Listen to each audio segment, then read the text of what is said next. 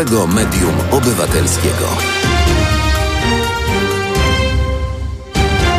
Zaczynamy Halo Aktualności. Dzień dobry, witamy Państwa bardzo serdecznie i kłaniamy się nisko. Julia Łasak, która wydaje dzisiejsze Halo Aktualności, Michał, który realizuje dzisiejsze Halo Aktualności i Mariusz Rokos.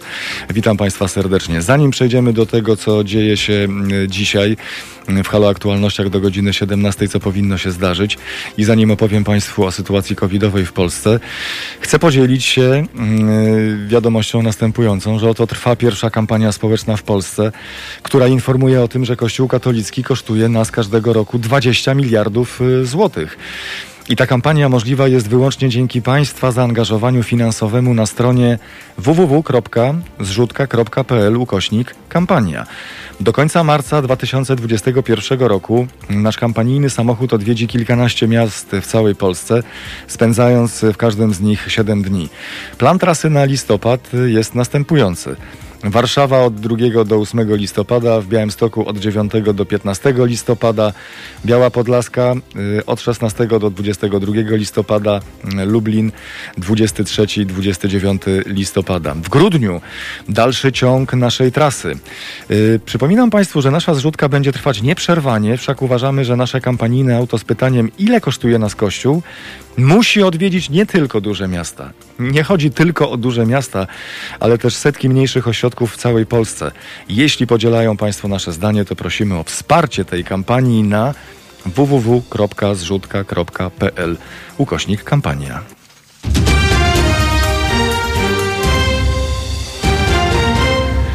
Sytuacja covidowa, y, w której przyszło nam funkcjonować, jest następująca.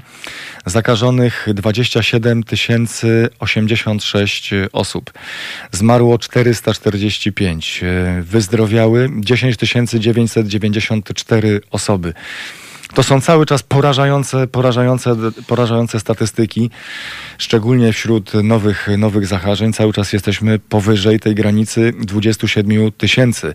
A przecież jeśli ta sytuacja będzie trwała jutro, pojutrze, to jest y, bardzo możliwy scenariusz y, wprowadzenia, wprowadzenia lockdownu w całej Polsce. Coś, y, co mm, przez rząd nazywane jest narodową kwarantanną.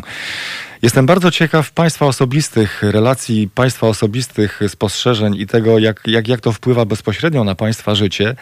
Czy do Państwa też docierają takie sygnały, szczególnie od tych najmłodszych osób, czy, czy starszych, które poszukują u Państwa także takiej informacji, a co to będzie? Jak będziemy funkcjonować? Czy będzie można pójść y, na zakupy? Czy będzie można pójść na spacer? Jestem bardzo ciekaw, y, jaka jest temperatura tych emocji i jaka jest temperatura państwa osobistych doznań, państwa osobistych, y, państwa osobistych przeżyć. Dostałem dosłownie przed sekundą yy, wiadomość następującej, następującej treści. Teraz już yy, wyjdźmy przez chwilę z sytuacji covidowej, bo to jest, yy, bo to jest dopiero rzecz bez precedensu. Otóż dostałem komunikat dotyczący kardynała Henryka Gulbinowicza. W wyniku przeprowadzonego dochodzenia w sprawie oskarżeń wysuwanych pod adresem kardynała Henryka Gulbinowicza oraz po przeanalizowaniu innych zarzutów dotyczących przeszłości kardynała, Stolica Apostolska podjęła w stosunku do niego następujące decyzje dyscyplinarne. Dyscyplinarne. Państwo sobie wyobrażają coś takiego?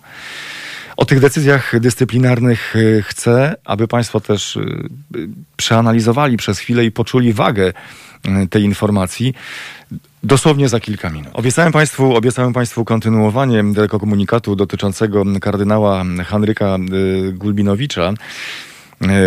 Zacząłem, i może dla przypomnienia dla tych z Państwa, którzy dopiero teraz włączyli Halo Radio, w wyniku przeprowadzonego dochodzenia w sprawie oskarżeń wysnuwanych, wysnuwanych pod adresem kardynała Henryka Gulbinowicza oraz po przeanalizowaniu innych zarzutów dotyczących przeszłości kardynała, Stolica Apostolska podjęła w stosunku do niego następujące decyzje dyscyplinarne.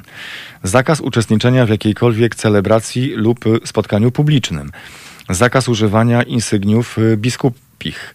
Pozbawienie prawa do nabożeństwa pogrzebowego w katedrze i pochówku w katedrze wpłacenie przez kardynała odpowiedniej sumy pieniędzy jako darowizny na działalność Fundacji Świętego Józefa, powołanej przez y, Konferencję Episkopatu Polski w celu wspierania działań Kościoła na rzecz ofiar nadużyć seksualnych, pomocy psychologicznej oraz prewencji i kształcenia osób odpowiedzialnych za ochronę nieletnich. Warszawa dnia 6 listopada 2020 roku. Co Państwo na to? Zapraszam na teraz małpahalo.radio, a także na nasz czat y, na YouTubie halo.radio radio live. Jestem także Państwu y, winien y, informacje dotyczące tego, co dzisiaj pojawi się w Halo Aktualnościach do godziny 17. No na pewno Krzysztof Skiba. O godzinie 16.30 16 pojawi się w Halo Aktualnościach premierowo po raz pierwszy. Rozmawiając z Krzysztofem Skibą, doszliśmy do takiego wspólnego przekonania, że najbardziej atrakcyjną formą w Halo Aktualnościach będzie takie podsumowanie mm, wydarzeń mijającego tygodnia, widziane oczywiście z osobistej perspektywy Krzysztofa, Krzysztofa Skiby. Znają Państwo jego cięty język, znają Państwo jego skłonność do różnego rodzaju prowokacji intelektualnych, znają Państwo jego poczucie humoru, a jeśli Państwo nie znają tego wszystkiego, to myślę, że to będzie niezwykła przygoda, y, którą rozpoczynamy już dzisiaj, na którą serdecznie zapraszam o 16.30 Krzysztof, Krzysztof Skiba. O 15.45 35 Rafał y, Hołubicki, rzecznik Naczelnej Izby Lekarskiej o ustawie y, covidowej. Prezydent y, ogłosił takie założenia ustawy covidowej, z czym się będą wiązać pewne określone konsekwencje, także dotyczące bezpośrednio pracy, pracy lekarzy. O godzinie 15.30 pan Dariusz Werszner, koordynator projektu, projektu, który jest związany z, ze szpitalem zorganizowanym na Stadionie Narodowym.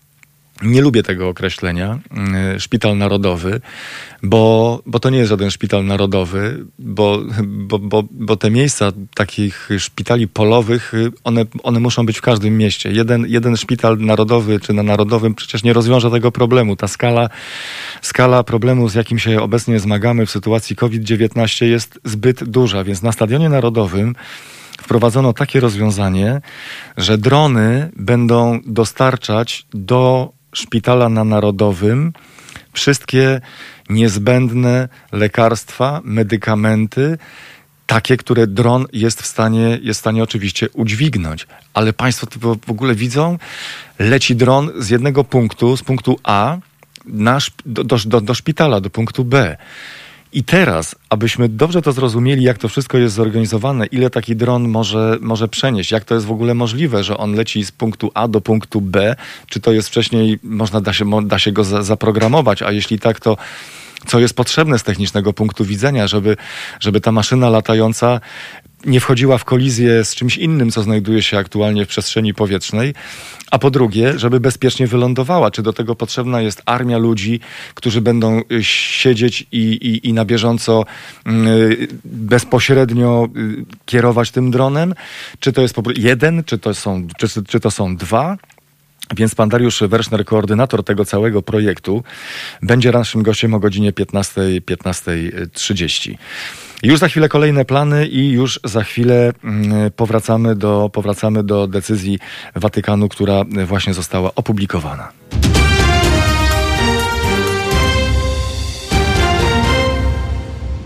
Drony połączą szpital na Stadionie Narodowym i lecznicę MSWiA. Powstanie most powietrzny. Razem z nami koordynator projektu, pan Dariusz Werszner. Dzień dobry panu, kłaniam się.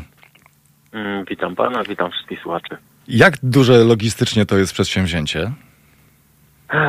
No, e, to zależy z której strony popatrzeć na ten projekt. Pan się na tym zna, pan jest ekspertem. Technologia jest tworzona już od kilku dobrych lat.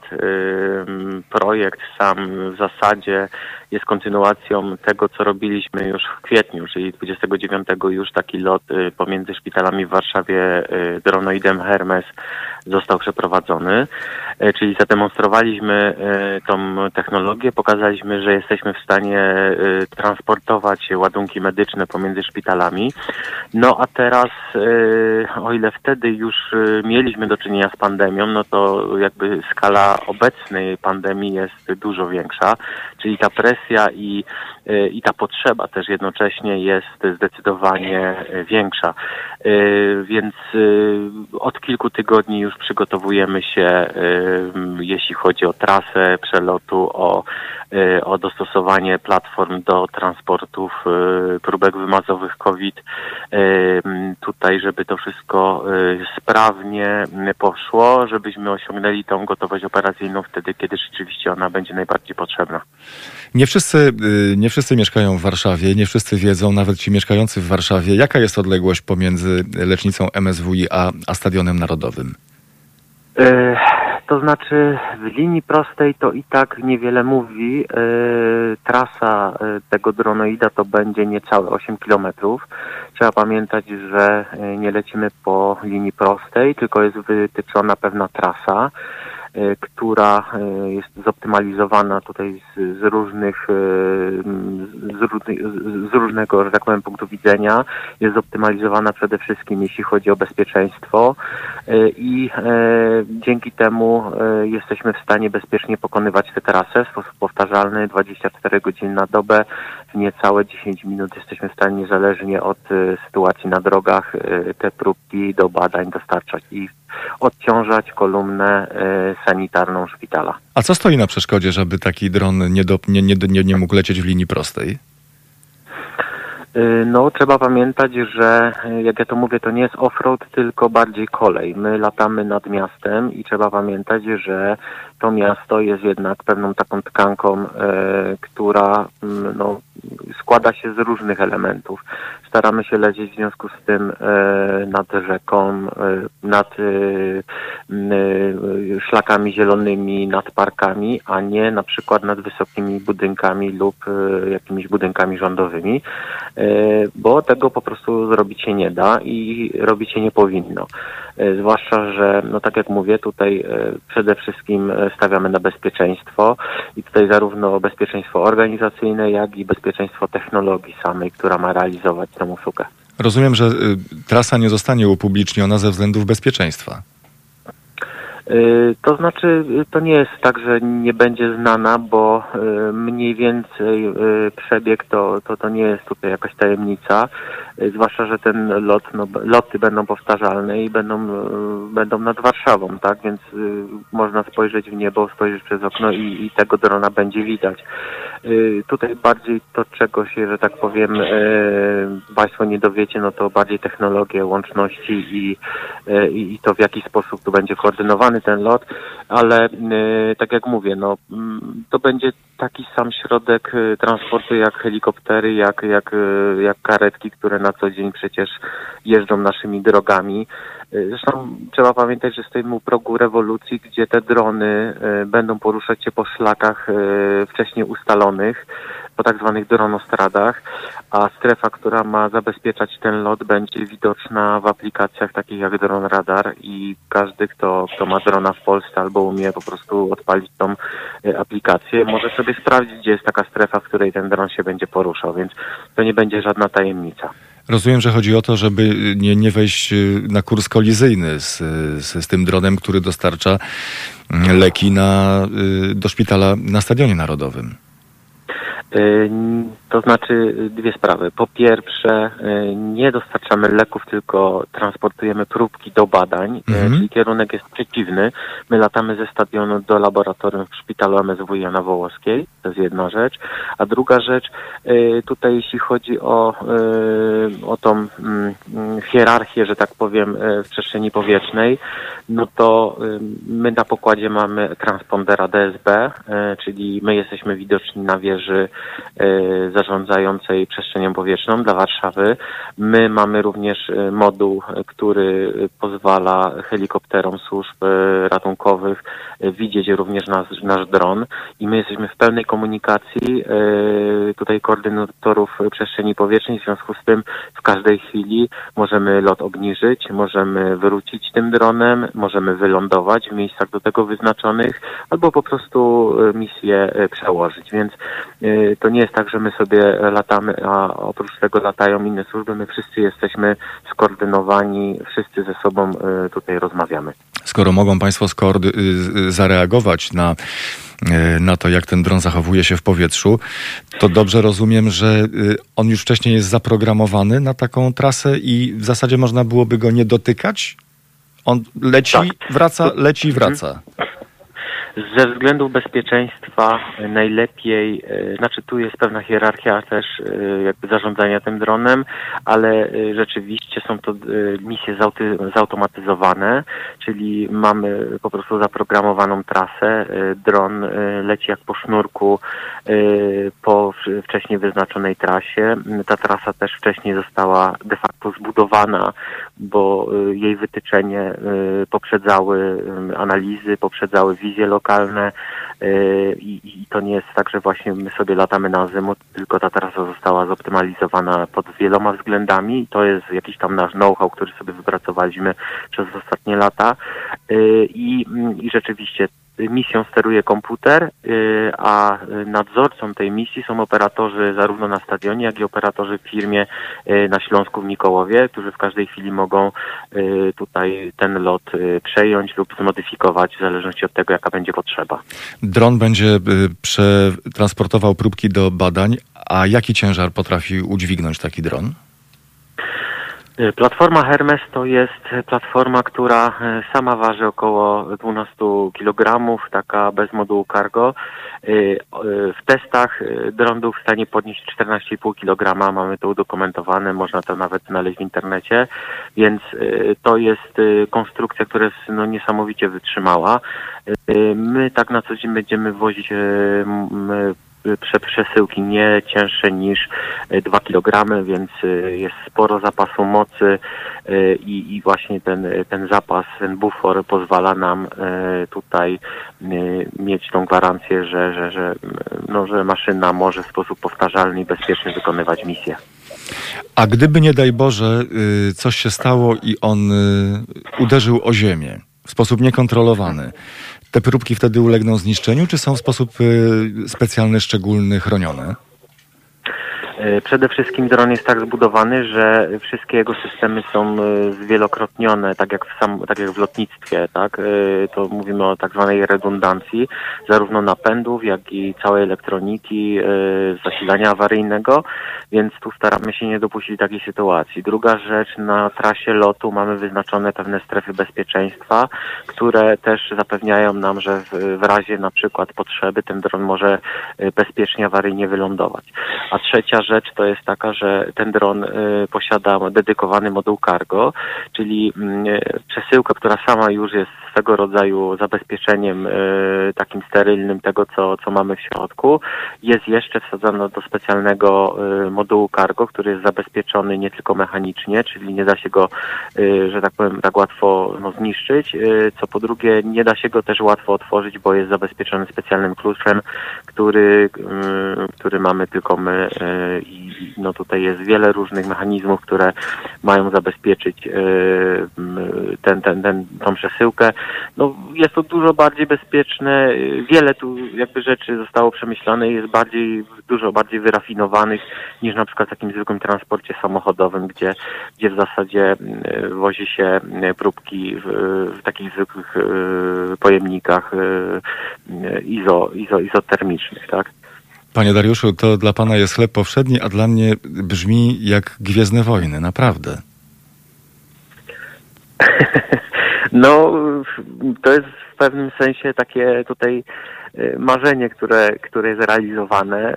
Ja mówię, śmieję się, że y, budujemy Jetsonów, bo tutaj w tym, co robimy, to w zasadzie jest to możliwe, że tak jak w Jetsonach możemy sobie zobaczyć te drony bo to w zasadzie oni się poruszają e, dronami pasażerskimi, prawda? E, mhm. Oni mogą sobie czytać gazetę, a ten dron pasażerski ich sam transportuje. No to w zasadzie to jest taki wstęp do tego typu technologii, bo nie wiem, czy wie pan redaktor, że są raporty, które mówią, że w 1935 roku, 2035 roku w takiej aglomeracji jak, jak Paryż ma latać więcej niż 40 tysięcy dronów cargo, więc wyobraźmy sobie, że no, jesteśmy świadkami właśnie takich, e, takiej rewolucji. Drony cargo, y, ale tylko i wyłącznie y, do, dla firm, czy też y, gdyby na przykład mój przyjaciel poprosił mnie, żebym szybko mu wysłał książkę, albo oddał, o inaczej, szybko oddał, natychmiast oddał mu książkę, którą trzymam od miesiąca, bo jest mu bardzo potrzebna, to ja mogę za, zamówić takiego drona, zapakować książkę do środka i, i z jakimś drobnym upominkiem przepraszającym odesłać to przyjacielowi?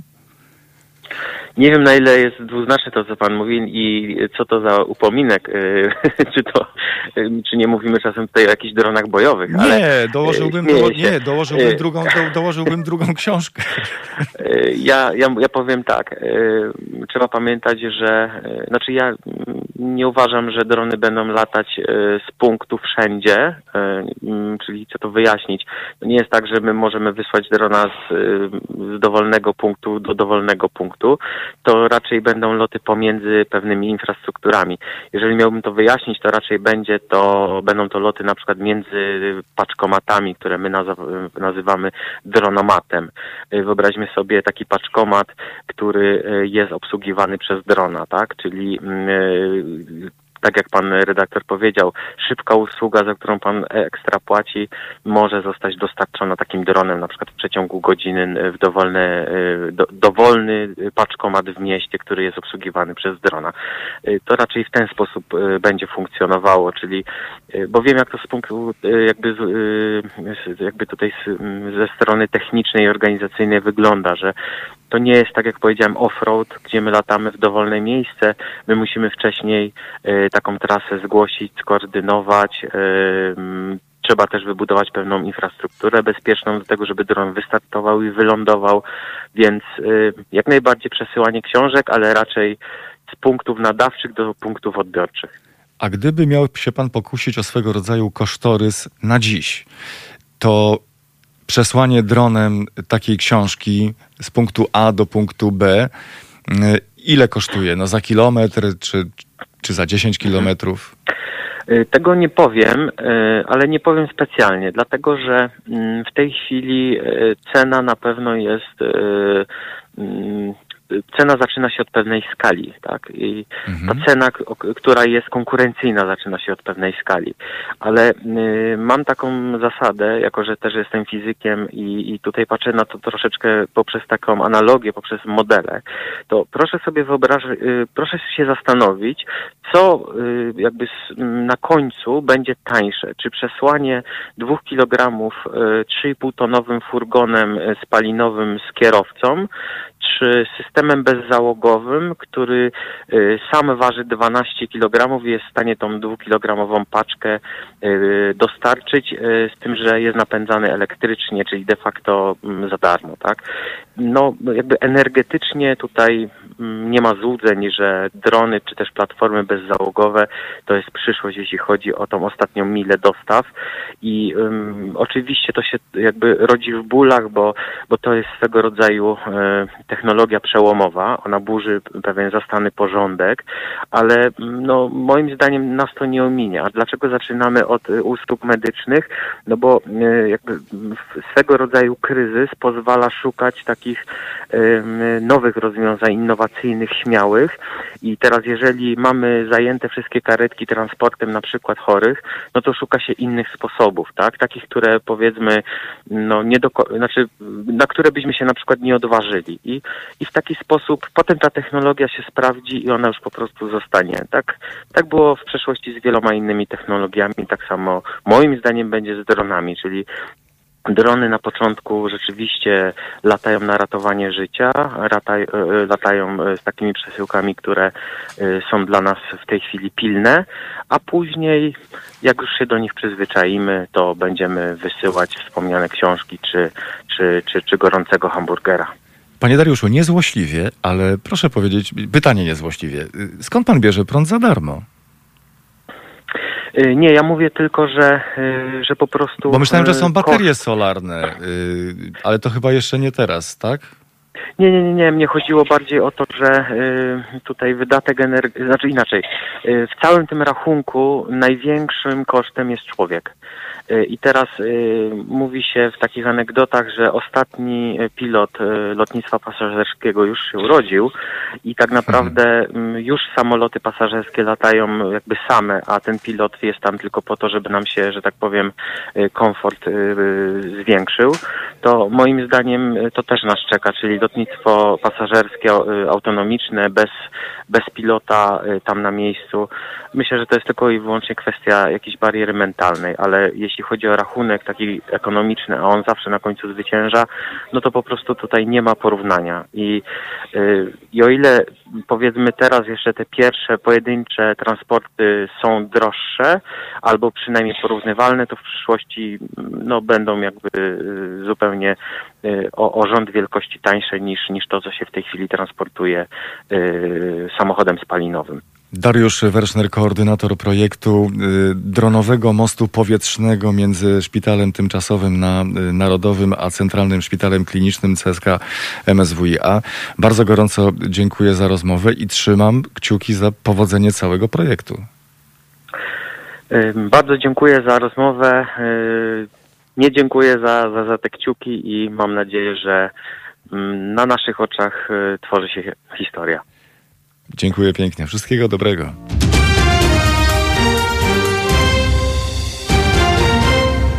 A razem z nami w Halo Aktualnościach pan Rafał Chałubicki, rzecznik Naczelnej Izby Lekarskiej. Dzień dobry, kłaniam się nisko. Dzień dobry panie redaktorze, dzień dobry państwu. Pozwoli pan, że zapytam najpierw o pańskie zdrowie? Dziękuję jak na razie dobrze. Mam nadzieję, że, że, że, że, że nic, że tak powiem, nie dopuści do tego, żebym się zakaził, bo potrzebne są siły cały czas. To cieszy i niech tak, i niech tak zostanie. Y, jakie ma Pan odczucia, przemyślenia, y, jeśli chodzi o decyzję prezydenta, który podpisał nowelizację ustawy covidowej? Panie redaktorze, odczucia, no, prezydent dostał, dostał ustawę i ją podpisał. Jeżeli chodzi o, o ogólnie teraz, jak ta legislacja u nas w Polsce wygląda, no to wszyscy wiemy i Bardziej należałoby zwrócić uwagę na to, że po prostu ustawa, która miała być taką tarczą e, dla, me, e, dla personelu medycznego i dla całej ochrony zdrowia, tak naprawdę nie była konsultowana z, żadnymi, e, z żadnym gremium ze środowiska medycznego. Też tak naprawdę cudem udało się prezesowi Naczelnej Rady Lekarskiej powiedzieć dwa słowa dosłownie na Komisji Zdrowia, która procedowała tą ustawę, żeby wzięto pod uwagę um, uwagi, które tak naprawdę na prędce e, prezydium i, i, i, że tak powiem, środowisko lekarskie przygotowywało podczas nocy, bo dowiedzieliśmy się o tej ustawie dosłownie chyba o 16 jednego dnia, a następnego dnia już o 10 była procedowana w, w Komisji Zdrowia, więc też musimy mieć świadomość, jak, jak, jak te przepisy są wprowadzane.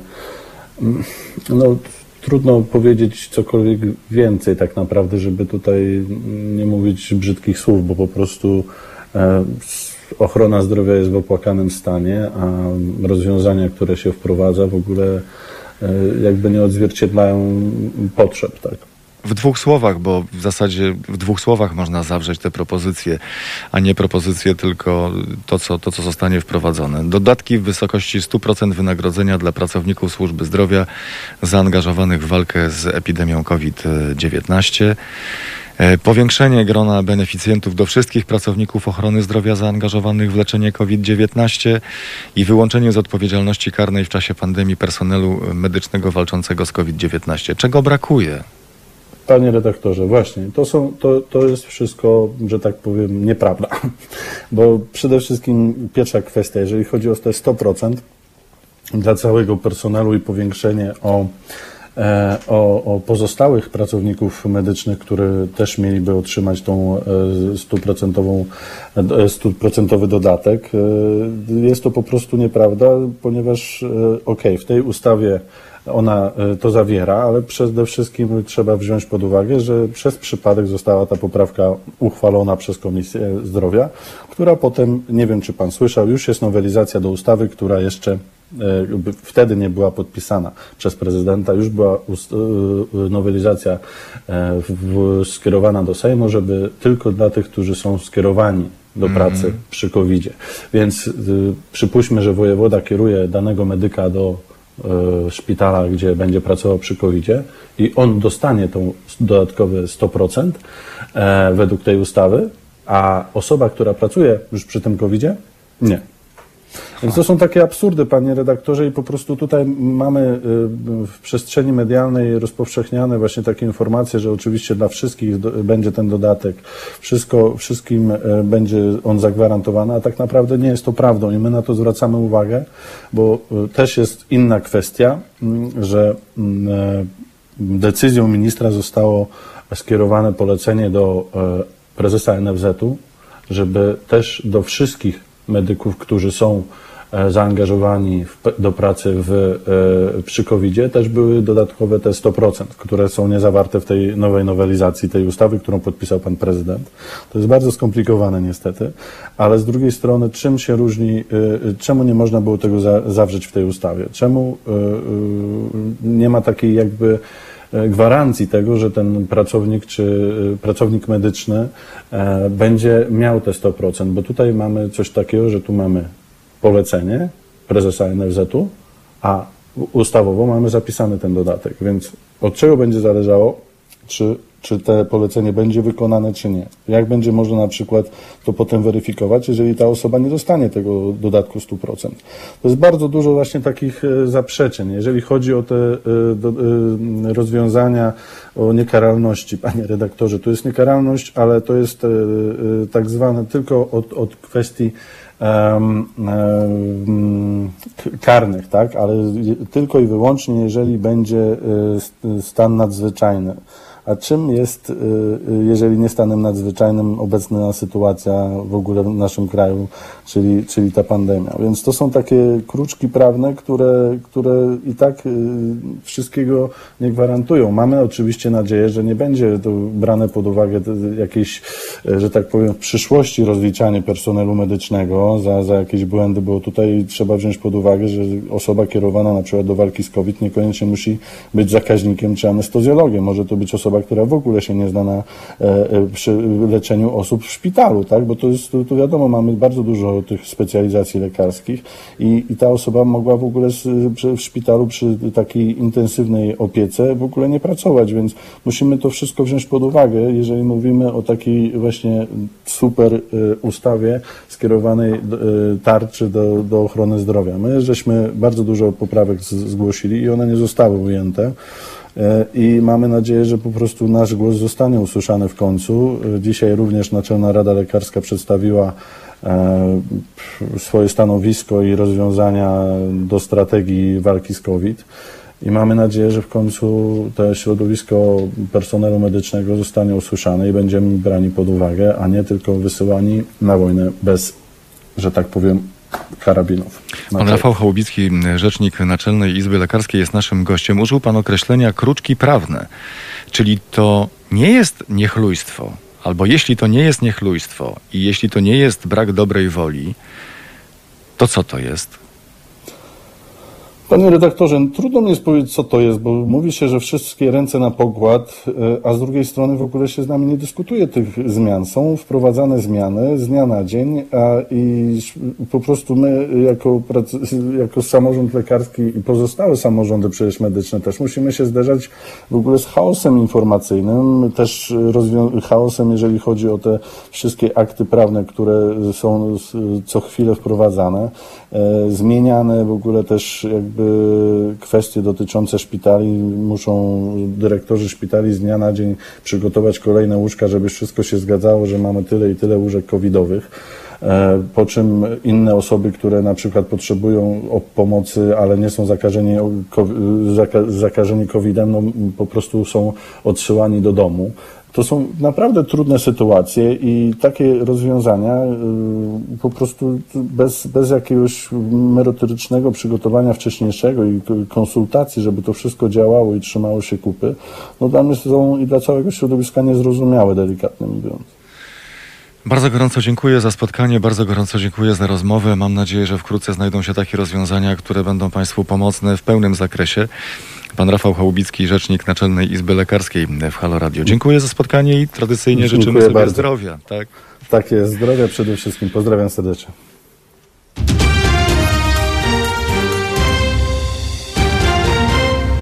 Razem z nami pan doktor Tomasz Płudowski, specjalista do spraw marketingu politycznego, amerykanista i medioznawca.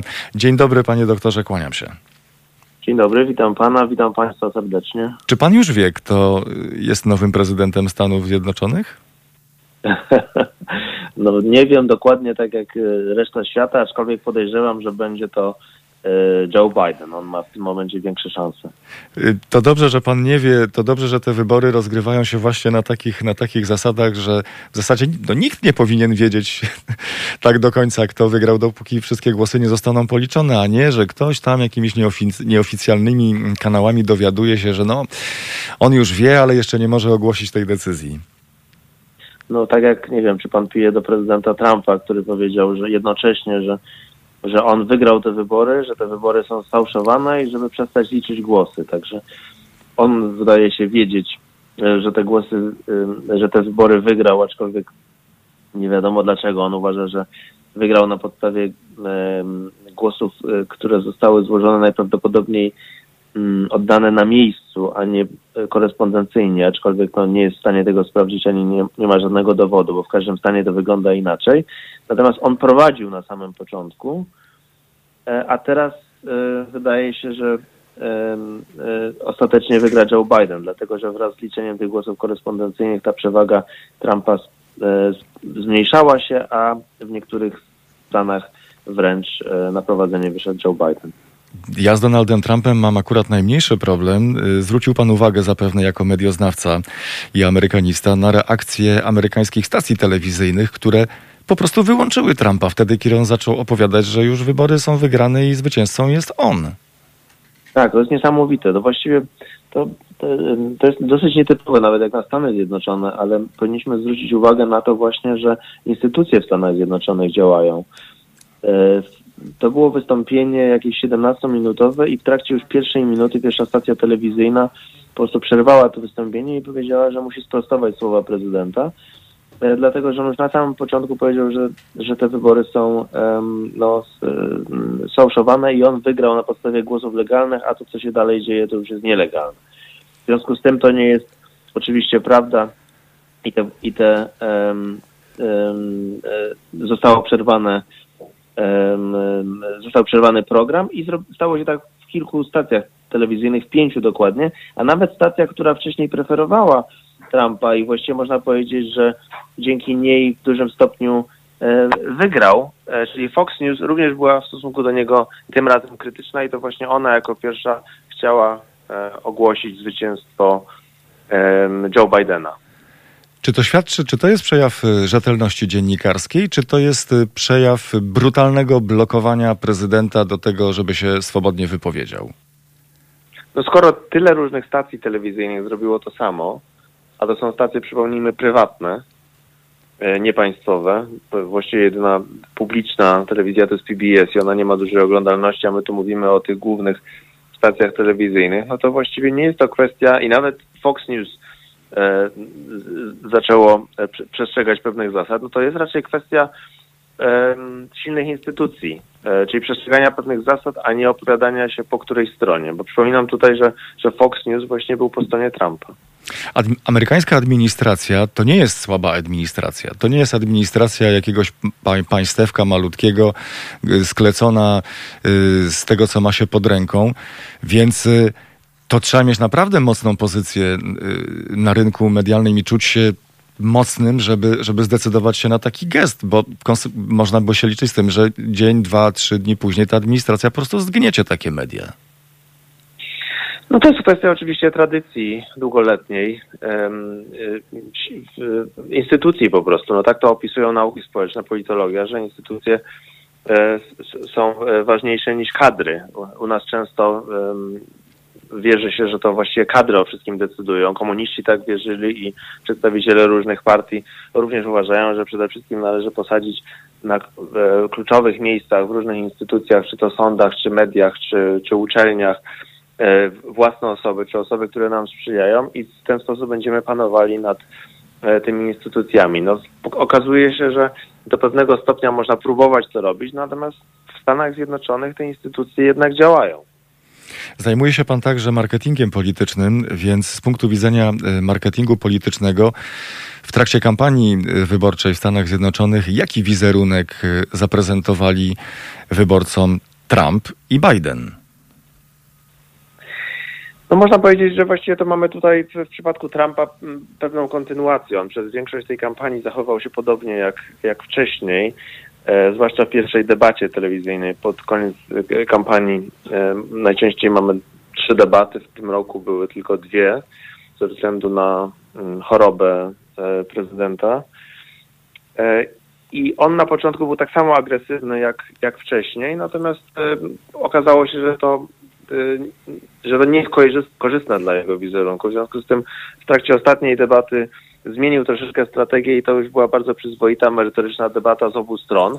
Natomiast no, w dużym stopniu y, o kampanii decyduje y, przekaz, na przykład reklamy telewizyjne, na to są wydawane ogromne środki, to są miliardy dolarów i no możemy, śledząc te reklamy, możemy wnioskować na temat tego, do kogo przekaz jest skierowany, w jaki sposób, jaki jest cel.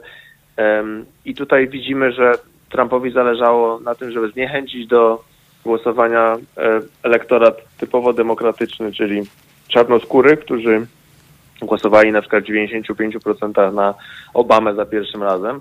Później troszeczkę mniej licznie na, na, w kolejnych wyborach na demokratów, ale zawsze 80-90% jednak na demokratów, więc on próbował Trump próbował zniechęcić czarnoskórych do głosowania na Bidena, a w przypadku latynosów no, próbował ich przekonać, że Biden jest socjalistą.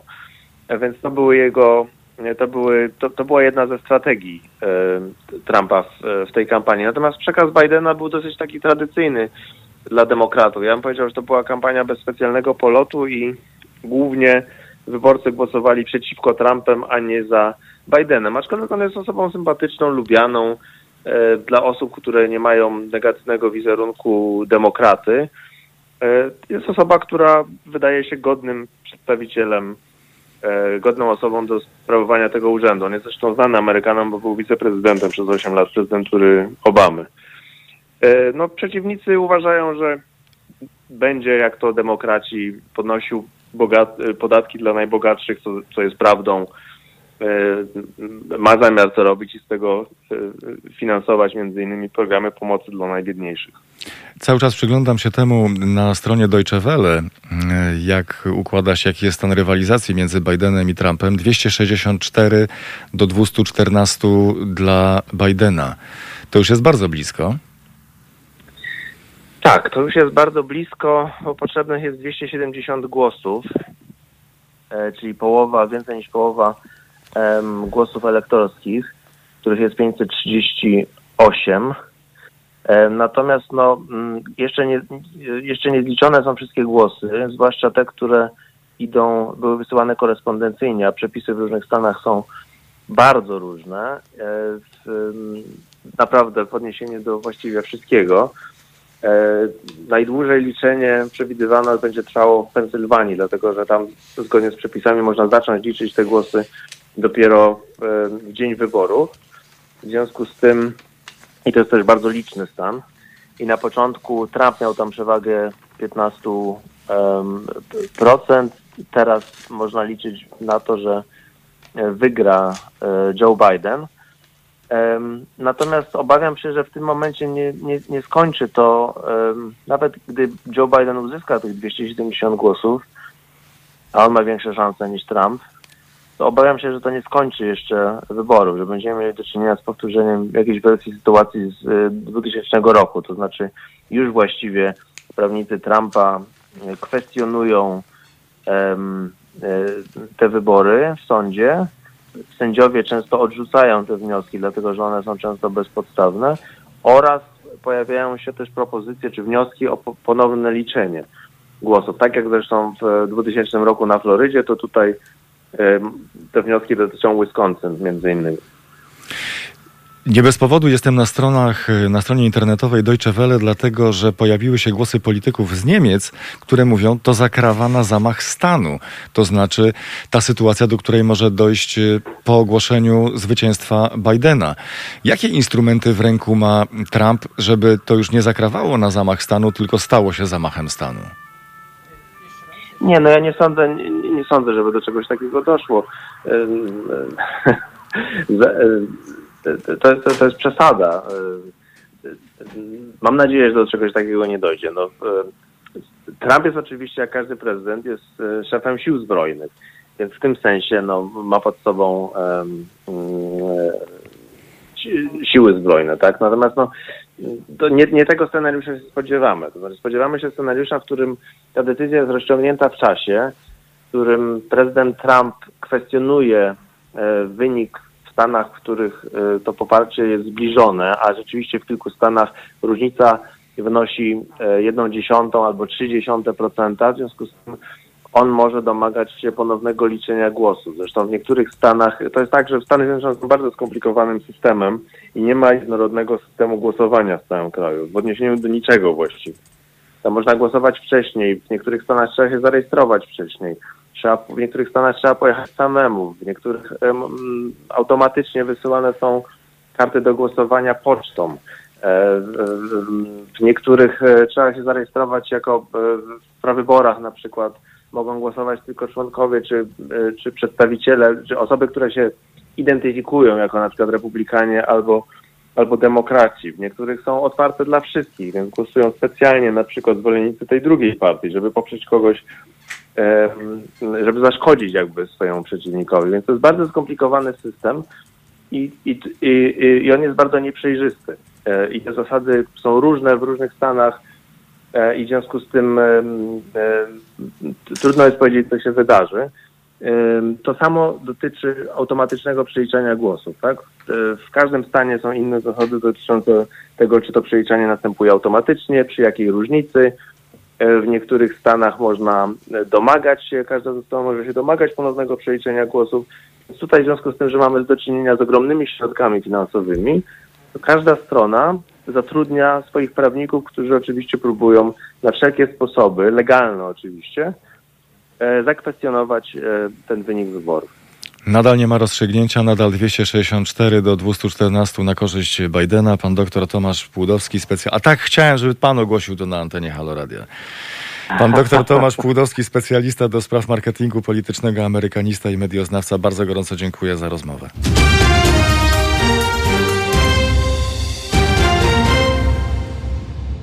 Razem z nami w Halo Aktualnościach pan Jan Olgelbrand, zastępca szefa Głównego Inspektora Sanitarnego. Dzień dobry panu. Dzień dobry, ale w latach 2008-2012 proszę mnie nie mieszać e, z dzisiejszym sanepidem. A, nie mieszać, tak pan powiedział, czyli to już jest, y, jest w tym pewna opinia, to znaczy nie jest, nie jest pan zadowolony, nie, nie, nie jest pan zadowolony z tych obostrzeń i z tego Nie, sposobu walczenia z pandemią, tak? Nie, nie, nie, nie, to nie tak. e, To nie tak. To znaczy e, sanepid jest bardzo dzielną jednostką, zawsze był niedofinansowany, zawsze był traktowany per noga przez ochronę zdrowia i teraz przyszła kluska na matyska. I w tym stanie organizacyjnym sanepidu oczywiście ma on swoje wady i nawet gdyby ogromny wysiłek tych wszystkich poczciwych pań i panów y, nic nie pomoże, no bo siła złego na jednego. Po prostu yy, znaczy oni są ofiarami chaosu, jaki zafundowany został w ramach walki z epidemią. Po prostu. I taka jest prawda. Ja na to patrzę z punktu widzenia yy, osoby zarządzającej, współzarządzającej trzema szpitalami. Więc mam znakomity widok yy, od dołu, jak to wygląda w tym tych trzech szpitali. Jeden ze szpitali jest szpitalem prze, e, szpital covidowy, kolejowy szpital Pruszkowie. Yy, więc yy, dobrze, ale jakie jest pytanie, drogi? Pytanie pierwsze jest takie, skoro Sanepid y, choćby robił nie wiadomo co, to, to nie jest y, zdolny czynić, y, y, uczynić cudu, żeby nagle sytuacja się y, poprawiła, więc y, to pole zaniedbań, które y, nawarst- i te, te zaniedbania, które nawarstwiały się latami, były jakiego rodzaju zaniedbaniami? To znaczy szpital nie, znaczy sanepid nie leczy. Oczywiście. Sanepid może prowadzić dochodzenie epidemiologiczne, do czego są potrzebne dzisiaj bardzo nowoczesne narzędzia y, śledcze. Głównie oczywiście trzeba pracować na arkuszach kalkulacyjnych, na systemach informatycznych i te brakowało. A ta pandemia jest pandemią sprawdzającą technologię, począwszy od nauczania zdalnego przez pracę zdalną, ale też dochodzenie epidemiologiczne, czyli szukanie wszystkich tych kontaktów, jakie są. Co prawda została stworzona taka aplikacja, która nazywa się Stop COVID, która dalej się przedtem jakoś inaczej nazywała, nazywała która ma y, kontaktować, y, znaczy informować o kontaktu między sobą, ale są dwa powody. Po pierwsze, ta aplikacja musi, musi ją posiadać znakomita liczba ludzi, a po drugie, y, stan niepewności y, politycznej, brak zaufania i wiary w to, że ta aplikacja nie będzie wykorzystywana na zasadzie Pegasusa, sprawiła, że taka aplikacja nie będzie działała. Podstawowa aplikacja, która powinna działa w Niemczech, gdzie indziej działała, tutaj niestety zadziałać nie może z powodów psychologicznych po prostu. Ja nie mam takiej aplikacji, ja nie chcę mieć takiej aplikacji, bo pandemia się skończy, a aplikacja zostanie do dyspozycji służb, które będą wszystko wiedziały o człowieku. I tak wiedzą dziś za dużo. Y, Zastanawiam się, zastanawiam się też na poziomie takiej komunikacji społecznej. E, Obserwując, obserwując media, nie zauważyłem takiej kampanii informacyjnej ze strony rządu, że, że taka, że taka y, aplikacja jest, y, żeby to się pojawiało często. Gdzieś to mignęło po prostu w pewnym momencie i, Tak. Jest taka nieśmiała, y, co prawda, pan jest taka jakaś nieśmiała akcja reklam, y, ale ona generalnie, y, ja myślę, oni sami wiedzą doskonale, że w tym stanie nastrojów społecznych i poziomu zaufania do rządu y, to nic z tego nie będzie, znaczy nie tędy droga. Tylko jest pewna brutalna prawda, którą trzeba powiedzieć, jako osoba, która pracowała w służbach sanitarnych, mogę panu powiedzieć, prawda jest taka, że 60-70% osób populacji musi po prostu zostać uodpornione albo przez przechorowanie, albo przez szczepionki.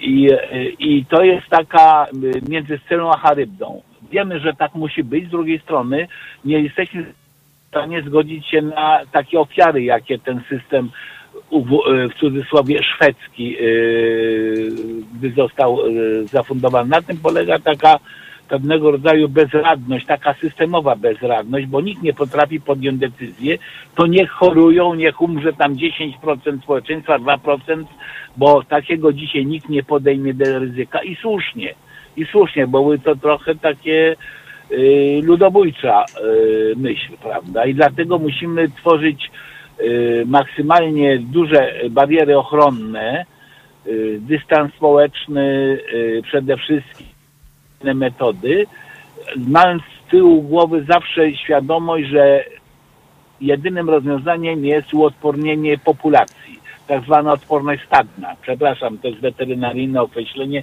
ale tak to się nazywa, odporność stadna.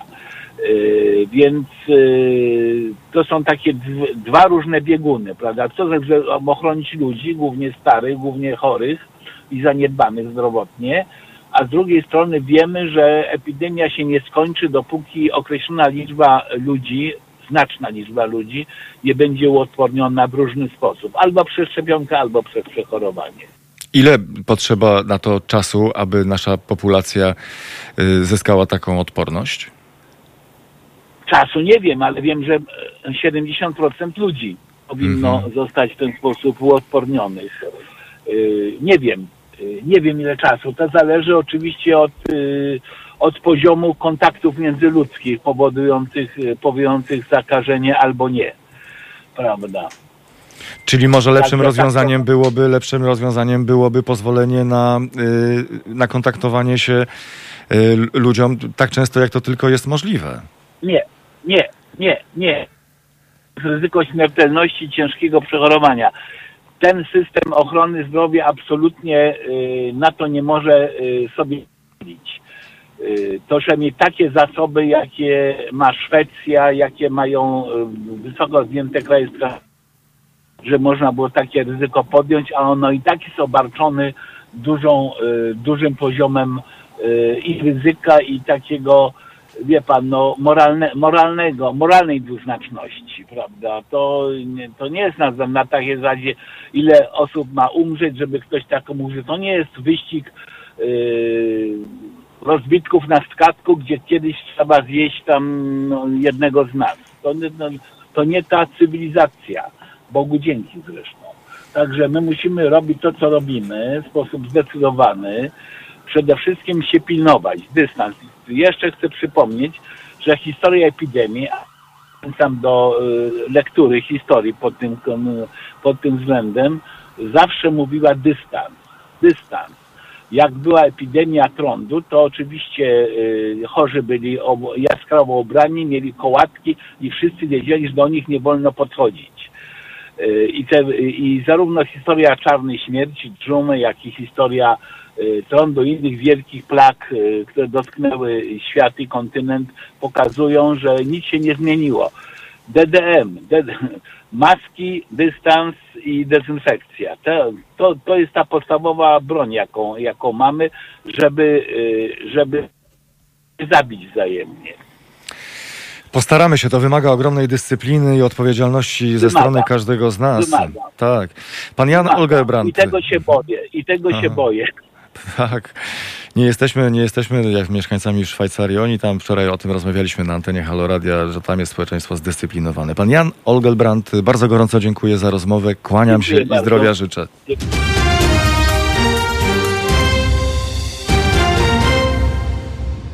Halo, halo, dzień dobry. Dzień dobry, kłaniamy się, witamy serdecznie naszego wyjątkowego korespondenta Krzysztof Skiba, prowokator, y, masażysta mózgu, a także człowiek zdolny do prowokacji intelektualnych i nie tylko, emocjonalnych również. Kłaniam się Krzysztofie, witam. Cześć, witam wszystkich słuchaczy Haloradia. Jak minął tydzień, Krzysztofie? No więc y, tutaj wasz specjalny trójmiejski gdański korespondent Krzysiek Skiba pozdrawiam y, prosto z samego serca Gdańska, miasta y, Lecha Wałęsy, Gintera Grasza i Motławy. Kochani, no tydzień, tydzień mieliśmy naprawdę pełen burzliwych wydarzeń. No najnowsze takie wydarzenia to, że znowu nam zamykają właściwie cały kraj. Najpierw zamknęli show biznes, bo wiadomo, że rozrywka i e, show biznes, kultura generalnie to są takie sfery życia, które od razu jako pierwsze zostają w tyłek. No a teraz już powoli chyba nam zamykają całą Polskę na cztery spusty, aby oczywiście Polsce się polepszyło, no bo przecież wiadomo, że Polsce się polepszy e, dopiero wówczas w zasadzie, gdy zamkną rząd e, i to nie muszą na cztery spusty, wystarczy, że zamkną rząd do paki, tak, taka jest moja e, opinia. No kobiety w ramach protestu wyszły na ulicę, to PiS uważa je za ulicznice, no bo jak są kobiety na ulicy, to, to wiadomo, że ulicznice, może następnym razem niech kobiety wyjdą na chodnik to PiS wtedy może da chody. No ale nie ma co narzekać. PiS tak pięknie walczy z pandemią, tak pięknie, naprawdę cudownie, wspaniale, starają się. Zamiast karetek kupili sobie limuzyny. Zamiast szukać rozwiązań problemów, oni szukają Niemców na demonstracjach. No, niedługo to w ogóle chyba nas czeka taki ciekawy mecz piłkarski, wydarzenie sportowe, które przebije mecze Barcelony i Bayernu. Minister zdrowia ma strzelić zepsutym res- respiratorem pierwszego samobuja na stadionie narodowym. Podczas protestów największe obroty zrobiły podobno pizzerie ze sprzedażą na wynos, bo młodzież potrzebowała kartonów. Podobno władza rozważa wprowadzenie zakazu sprzedaży pizzy w kartonach, no pod pretekstem, że to takie nieekologiczne i że szkoda drzew. No, jak ten słynny minister Szyszko wycinał puszczę, to nie przeszkadzało, tak? Nie przeszkadzało. E, No i teraz polscy partyzanci nie będą mieli gdzie się schować, jak Putin wejdzie. Władza dość specyficznie e, reaguje na e, postulaty społeczne. E, Proszę zwrócić uwagę, że jak protestowała gastronomia, że tam się branża się kończy, że, że w ogóle no już nie ledwo ciągną i tak dalej, to Morawiecki od razu zamknął wszystkie knajpy i restauracje. Jak teraz niedawno, całkiem dosłownie kilka dni temu e, protestowali artyści, to w ogóle ciekawe, pierwszy raz widziałem, że Michał Szpak poszedł na jakąśkolwiek e, demonstrację. No wiadomo, Michał Szpak, słynny wokalista, ulubieniec kobiet i panów w, w wieku. Podobno jak Michał Szpak doszedł do e, domu Jarosława Kaczyńskiego tam na Żoliborzu, to po raz pierwszy policja nie połowała, bo brali autografy dla swoich żon. No więc jak y, protestowali artyści, to premier od razu zamknął wszystkie y, domy kultury, galerie, y, kluby i teatry. Oni mają taką strategię. No więc ja, ja tak podpowiadam, może niech rodzina Przyłębskich wyjdzie na ulicę z kartonami, to wreszcie zamkną kogo trzeba. E, Super była ta y, demonstracja artystów, naprawdę wspaniała. Tych demonstracji mieliśmy y, naprawdę bardzo dużo. No, protestowały nie tylko kobiety, ale ogóle wszelkie możliwe e, branże. E, no, co ciekawe, te, zwykle te demonstracje antyrządowe, tak jak pamiętam sprzed lat, to one zawsze odbywały się na przykład pod Urzędem Rady Ministrów, albo pod Pałacem Prezydenckim, albo pod Sejmem. No teraz wszystkie odbywają się pod domem Kaczyńskiego. To jest absolutny hit. Po prostu naród instynktownie kojarzy, że rząd, prezydent i parlament nie mają, nie mają w Kaszystanie nic do gadania. I walą od razu pod chatę tego, który decyduje. Taka sytuacja powoduje, że kot Jarosława dostał, bieda, biedne zwierzątko dostało depresji, no bo pod chałupą od dwóch tygodni ciągle stoi psiarnia. Policja teraz już nie łapie bandytów, bo ma ważniejsze sprawy na głowie, jak na przykład e, ściganie nastolatek z tekturami napisami, no, że taki jeden polityk z drugim na przykład stocipa. E, podobno zatrzymują młodych za brzydki charakter pisma. No, we Wrocławiu policja złapała nie tylko Katar, ale także jednego bandytę, ale musiała go zwolnić, bo okazało się, że pobił dwie dziennikarki wyborcze i ma na koncie liczne inne pobicia. On tak lubi pobicia, że nawet auto ma na przebitych numerach. Według standardów PiS to są zalety, a według szefa prokuratury Ziobry to patriota i policjanci musieli go puścić. Jeszcze trochę takich wypuszczeń i y, społeczeństwu mogą puścić nerwy, także z tym puszczaniem trzeba y, uważać, no a wówczas jak społeczeństwo już tak na serio puszczą nerwy, no to Kaczelnika i jego e, gang e, e, Olsena, no to może nie obronić nawet ich to wirusów rząd stracił moim zdaniem trochę zdolność zarządzania kryzysowego, no bo y, bajkami o wielkości Polski, baśniami o żołnierzach wyklętych trudno naprawić zapaść służby zdrowia, załatać dziurę budżetową, zmniejszyć drożyznę czy wyprostować absurdalne decyzje związane z pandemią. E, ci ludzie moim zdaniem nie nadają się nawet do kierowania budką z frytkami na plaży. Nauczyli się rozrzutności miliardy na te abstrakcyjne inwestycje, przy których zarobią zblatowane firmy, miliardy dla TVP na propagandę. O tak przy okazji, przecież pamiętamy, że e, Jacek Kurski e, dostał e, dwa miliardy, tak? Dwa miliardy to jest przecież w ogóle miliard to jest 9 zer, tak? No ale wokół Kurskiego jest więcej tych zer. Kolejny miliardy dla Kościoła na zakup poparcia, dla elektoratu miliardy na Jałmużdę, aby się zamknął i pozwolił przywłaszczyć Polskę. Nie liczą się z przedsiębiorcami, których traktują jedynie jak krowy do wydojenia. Gdyby Morawiecki miał udziały w firmach produkujących znicze, na pewno cmentarze w Dniu Święta Zmarłych byłyby by otwarte i to szeroko. Wszędzie na świecie rządy i społeczeństwa mobilizują się, aby zwalczyć pandemię. W obliczu globalnego kryzysu normalne państwa jednoczą siły, a w naszym domu wariatów Kaczysław i jego gang zafundował Polsce absurdalną wojenkę o aborcję. I pomyśleć tylko, że ta ekipa, mm, e, nie wiem czy Mariusz to pamiętasz, ale to przecież to były słynne sprawy, że oni już tak marzyli o tym, żeby tacy ich tam specjaliści, różni tam z sieci i w polityce, jacyś tacy geniusze wypowiadali się, że już jest tak, taka przyjaźń ze Stanami Zjednoczonymi, taka miłość do Donalda Trumpa, że już niedługo Donald Trump da nam bombę atomową i wtedy Polska będzie takim wielkim mocarstwem. Ja proponuję, żeby teraz szybko jeszcze zadzwonić do Trumpa i przekazać mu, że, żeby trzymał ten atom w plecaku, bo Polskę już wysadzili i to bez bomby. No i teraz takie na, na, na bieżące takie sprawy, które dzisiaj wypłynęły, proszę Państwa, e, e, e, nie, najpierw jedna sprawa, która jeszcze wypłynęła e, jakiś czas temu, takie może cytaty, takie, które mnie uwiodły. Jak zamykali siłownię, to Marcin Chorała z PiS o tym, dlaczego e, powiedział tak, o tym, dlaczego zamknięto siłownię, a nie zamknięto kościołów. On powiedział, siłownie mają zazwyczaj niski sufit. Państwa, to jest cytat, to jest cytat. No, no niski sufit i, i, i niskie czoło to na pewno mają ci rządzący. Jak tak się przypatrzeć władzy, to ona generalnie ma nisko pod sufitem, tak, tak mi się wydaje. No i dzisiaj wypłynęły dwie sprawy, takie dwie takie mm, sprawy, które zwróciły moją e, uwagę. pewnie to już jest w mediach szeroko komentowane. Otóż, proszę Państwa, tak, dzisiaj wygląda informacja, że Jacek Kurski, szef TVP, dostał ochronę rządową. SOP, czyli Służba Ochrony, tam specjalna, to jest dawny BOR, będzie chroniła Jacka Kurskiego. No mi się wydaje, że wcześniej w ogóle taką ochronę dostała e, Krystyna Pawłowicz. Wiem, że to jest ten szef, bojówkarz e, z ONR-u, e, szef warszawskich nacjonalistów, który tam wzywał do do, do, do rozbijania tych pochodów, tych protestów, też prosił o ochronę, ale chyba jemu, jemu nie dali. No, proszę Państwa, co do Kurskiego, to ja uważam, że to nie powinno być tak, że, że, że Kurskiego chroni się przed społeczeństwem. To społeczeństwo powinno się chronić przed Kurskim. I to jest tak jakby e, rekin ludojad dostał jakąś e, e, ochronę. No w wypadku Krystyny Pawłowicz to tak jakby, nie wiem, piranie chronić przed jakimiś niewinnymi rybkami. Tak mi się wydaje. A druga sprawa, która wypłynęła, to w ogóle, to, to, jest, to, to jest i śmieszne, i straszne. Proszę Państwa, otóż wypłynęła taka informacja, że e, e, rząd opiera swoją strategię na, e, dotyczącą walki z pandemią na badaniach takiego instytutu, który jest przy Uniwersytecie Warszawskim i bardzo fajnie Morawiecki często na konferencjach prasowych opiera się na jakichś właśnie badaniach naukowych, rzekomo i tak dalej, i tak dalej. Wszystko czasy brzmi to tak bardzo komputerowo, naukowo i światowo tylko wyszło na jaw, to chyba pismo Komputer Świat y, ujawniło, że dane tego instytutu, tego, te dane, na których opiera, opiera się rząd, e, e, zbiera 19-latek, który zbiera to hobbystycznie. To jest po prostu jakiś sympatyczny, zdolny, y, młody człowiek, który E, zbiera dane dotyczące, takie statystyczne, dotyczące pandemii. On to robi hobbystycznie, on nie jest opłacany.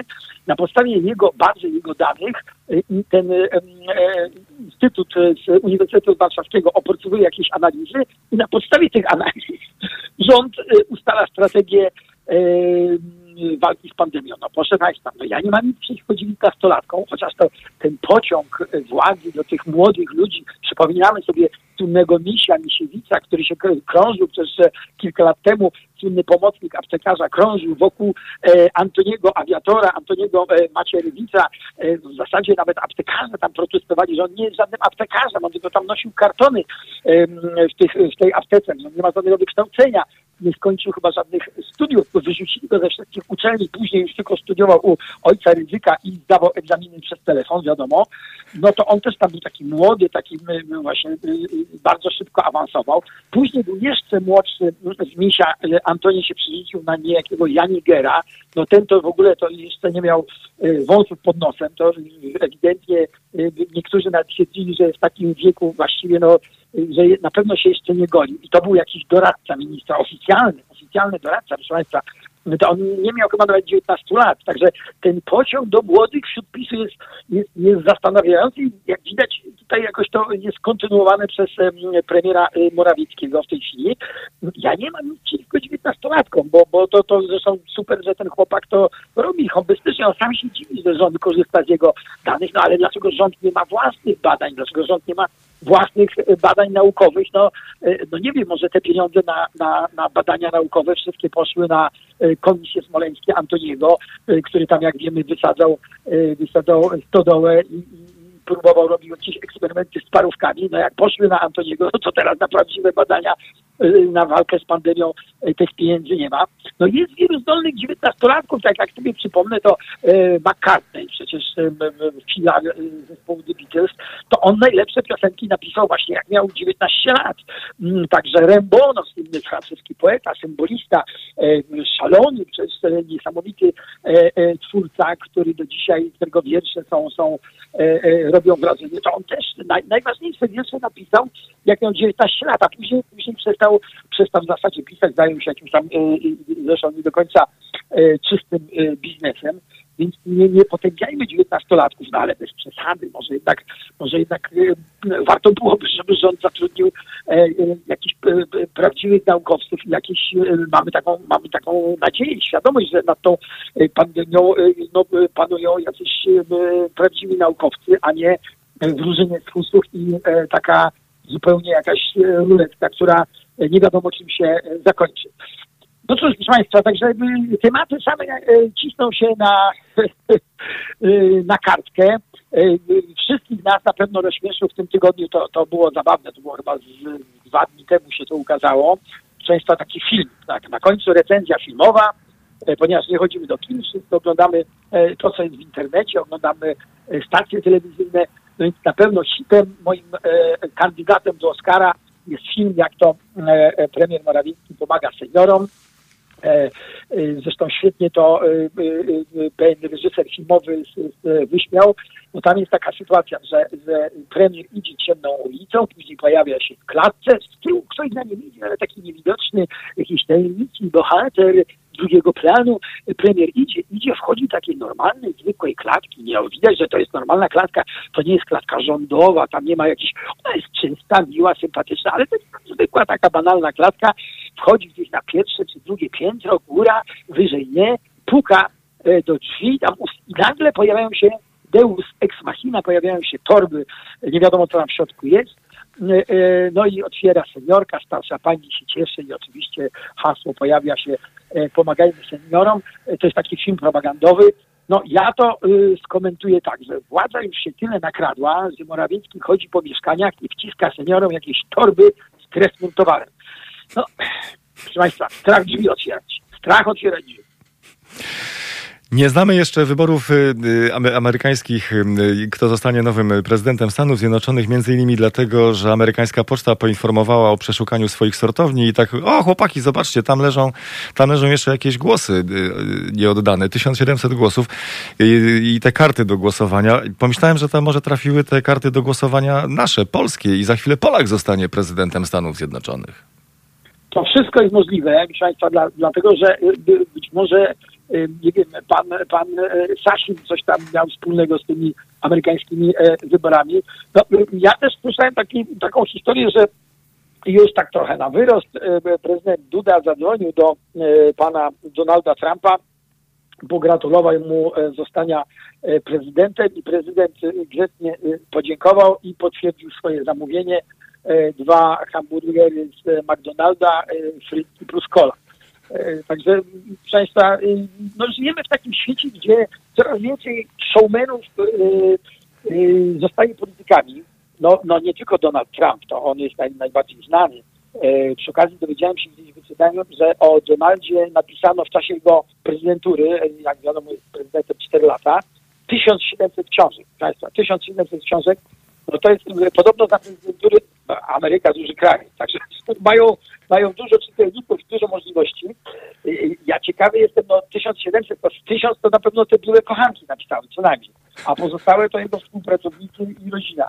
E, natomiast za prezydentury Obamy, na temat Obamy powstało 700 książek. No także widać, że przynajmniej, przynajmniej no Donald przebija Obamę, także ten 700, a tu 1700 ale jestem pewny, że jeżeli e, Donald Trump będzie się wygłupiał przez kolejne 4 e, lata, no to, to zostanie pobity rekord jakiś absolutny i jeszcze 2000 książek e, powstanie. Oby nie wszystkie tłumaczono do, u nas w Polsce, bo kilka przetłumaczono. Ja dwie przeczytałem, naprawdę są, są dosyć zabawne i ciekawe. Ale właśnie ten trend, że showmeni zostają prezydentami czy, czy, czy zostają premierami, jest utrzymywany, no chociażby na Ukrainie, nie tylko Ameryka, ale także Ukraina. Pan Zełenski, jak wiemy, jest e, byłym komikiem. E, także we Włoszech jest taka partia, nazywa się Ruch Ośmiu Gwiazd, partia Ośmiu Gwiazd. Ciekawe, wiemy co u nas znaczy Osiem Gwiazd, a co we Włoszech? Pewnie Wafankulo. Nie wiem, jeżeli ktoś na włoski, to wie co znaczy Wafankulo. To znaczy to samo, co młodzież krzyczała na naszych demonstracjach. I taki ruch Osiem Gwiazd założył e, komik, też komik, kolejny komik, proszę Państwa, który się nazywa Beppe Grillo. E, jego ludzie, on sam nie kandyduje, on sam tak pociąga z tyłu, jak Jarosław Kaczyński te sznureczki. Natomiast e, jego ludzie już zostali e, posłami, jego e, e, kobieta z jego partii jest bodajże burmistrzem Rzymu. No ale nie do końca, że tak powiem, e, te, te ruchy, no u nas też ci artyści nie do końca się sprawdzili. Wiadomo, że Leroy, gwiazda rapu, była przez, był przez 4 lata posłem, na szczęście już, już nie jest. Dalej niestety jest w polityce Paweł Kukiz, który teraz zupełnie przygazł i chyba jak się zapisał do PSL-u, to sam się zaorał. Tak więc no, widzimy, że, że to połączenie showmeństwa z mm, polityką może być naprawdę bardzo groźne, czego najlepszym dowodem właśnie Donald Trump. Skandalista, prowokator, felietonista, masażysta mózgu, hepener i gwiazda polskiego roka w jednym, czyli Krzysztof Skiba. Już nie mogę doczekać się kolejnej korespondencji. Kochani, zawsze w piątki, zawsze w okolicach godziny 16.30 gorąca korespondencja z Gdańska. E, pozdrawiam wszystkich e, fanów e, Bikcyca, pozdrawiam wszystkich słuchaczy Halo Radia. Polecam wszystkim naszą najnowszą piosenkę, najnowszy hit Twierdza 2020. To jest absolutny hit internetu w tej chwili. W ciągu trzech dni ponad 600 tysięcy wyświetleń. Piosenka, która na gorąco komentuje właśnie te protesty, które miały miejsce na ulicach polskich miast. Piosenka o pewnym starszym panu, który powinien odejść. Dosłownie dwa dni temu odbyła się w Gdańsku demonstracja pod Radiem Gdańsk, które no, wyjątkowo jakby e, jest radiem takim, które kiedyś było to sympatyczne i naprawdę bardzo fajne radio, a ostatnio upada coraz niżej i ma taki przekaz mocno e, po prostu e, nieciekawy. Du, dużo tam się pojawia jakichś naprawdę bardzo takich rządowych i nieciekawych informacji. Właśnie protestując przeciwko audycjom Radia Gdańsk odbyła się taka pikieta, mieszkańcy Gdańska przemawiał, nawet Jacek Karnowski, e, prezydent Sopotu i, i, i różni inni e, działacze społeczni, opozycyjni. I pod tym Radiem Gdańsk, to ciekawe, puszczono, wyemitowano właśnie piosenkę naszych piosenek się już tam nie puszcza, chociaż kiedyś leciały dość często. Także jesteśmy zespołem, który być może poleci w Halo Radio, a być może E, poleci e, po prostu, e, no, jest dostępny tylko w internecie, natomiast puszczany jest czasem na, na demonstracjach. No ale my oczywiście, Państwa, nie poddajemy się, walczymy, tańczymy, także pozdrawiam wszystkich słuchaczy Halo Radia i do zobaczenia za tydzień w piątek na kolejnej korespondencji Krzyśka Skiby. Będę dla Państwa do dyspozycji i za każdym razem, Państwa, jakieś soczyste smaczki znajdę i podsumuję swoim stylu. Cześć, cześć, trzymajcie się. Cześć Mariusz, pozdrawiam całą załogę Radia, e, Halo Radia i całych wszystkich słuchaczy Halo Radia e, i uważajcie na siebie, bo wirus krąży. Wielkie dzięki Krzysztof Skiba. Biegnę po piosenkę oddając antenę Kubie Wątłemu. Dziękujemy za dzisiejsze Halo Aktualności. Julia Łasak wydawała dzisiejsze Halo Aktualności. Michał realizował. Mariusz Oko, skłaniam się nisko, pozdrawiam. Wszystkiego dobrego, bądźmy zdrowi, do usłyszenia. To były Halo Aktualności. Na kolejny program zapraszamy w poniedziałek o godzinie 15.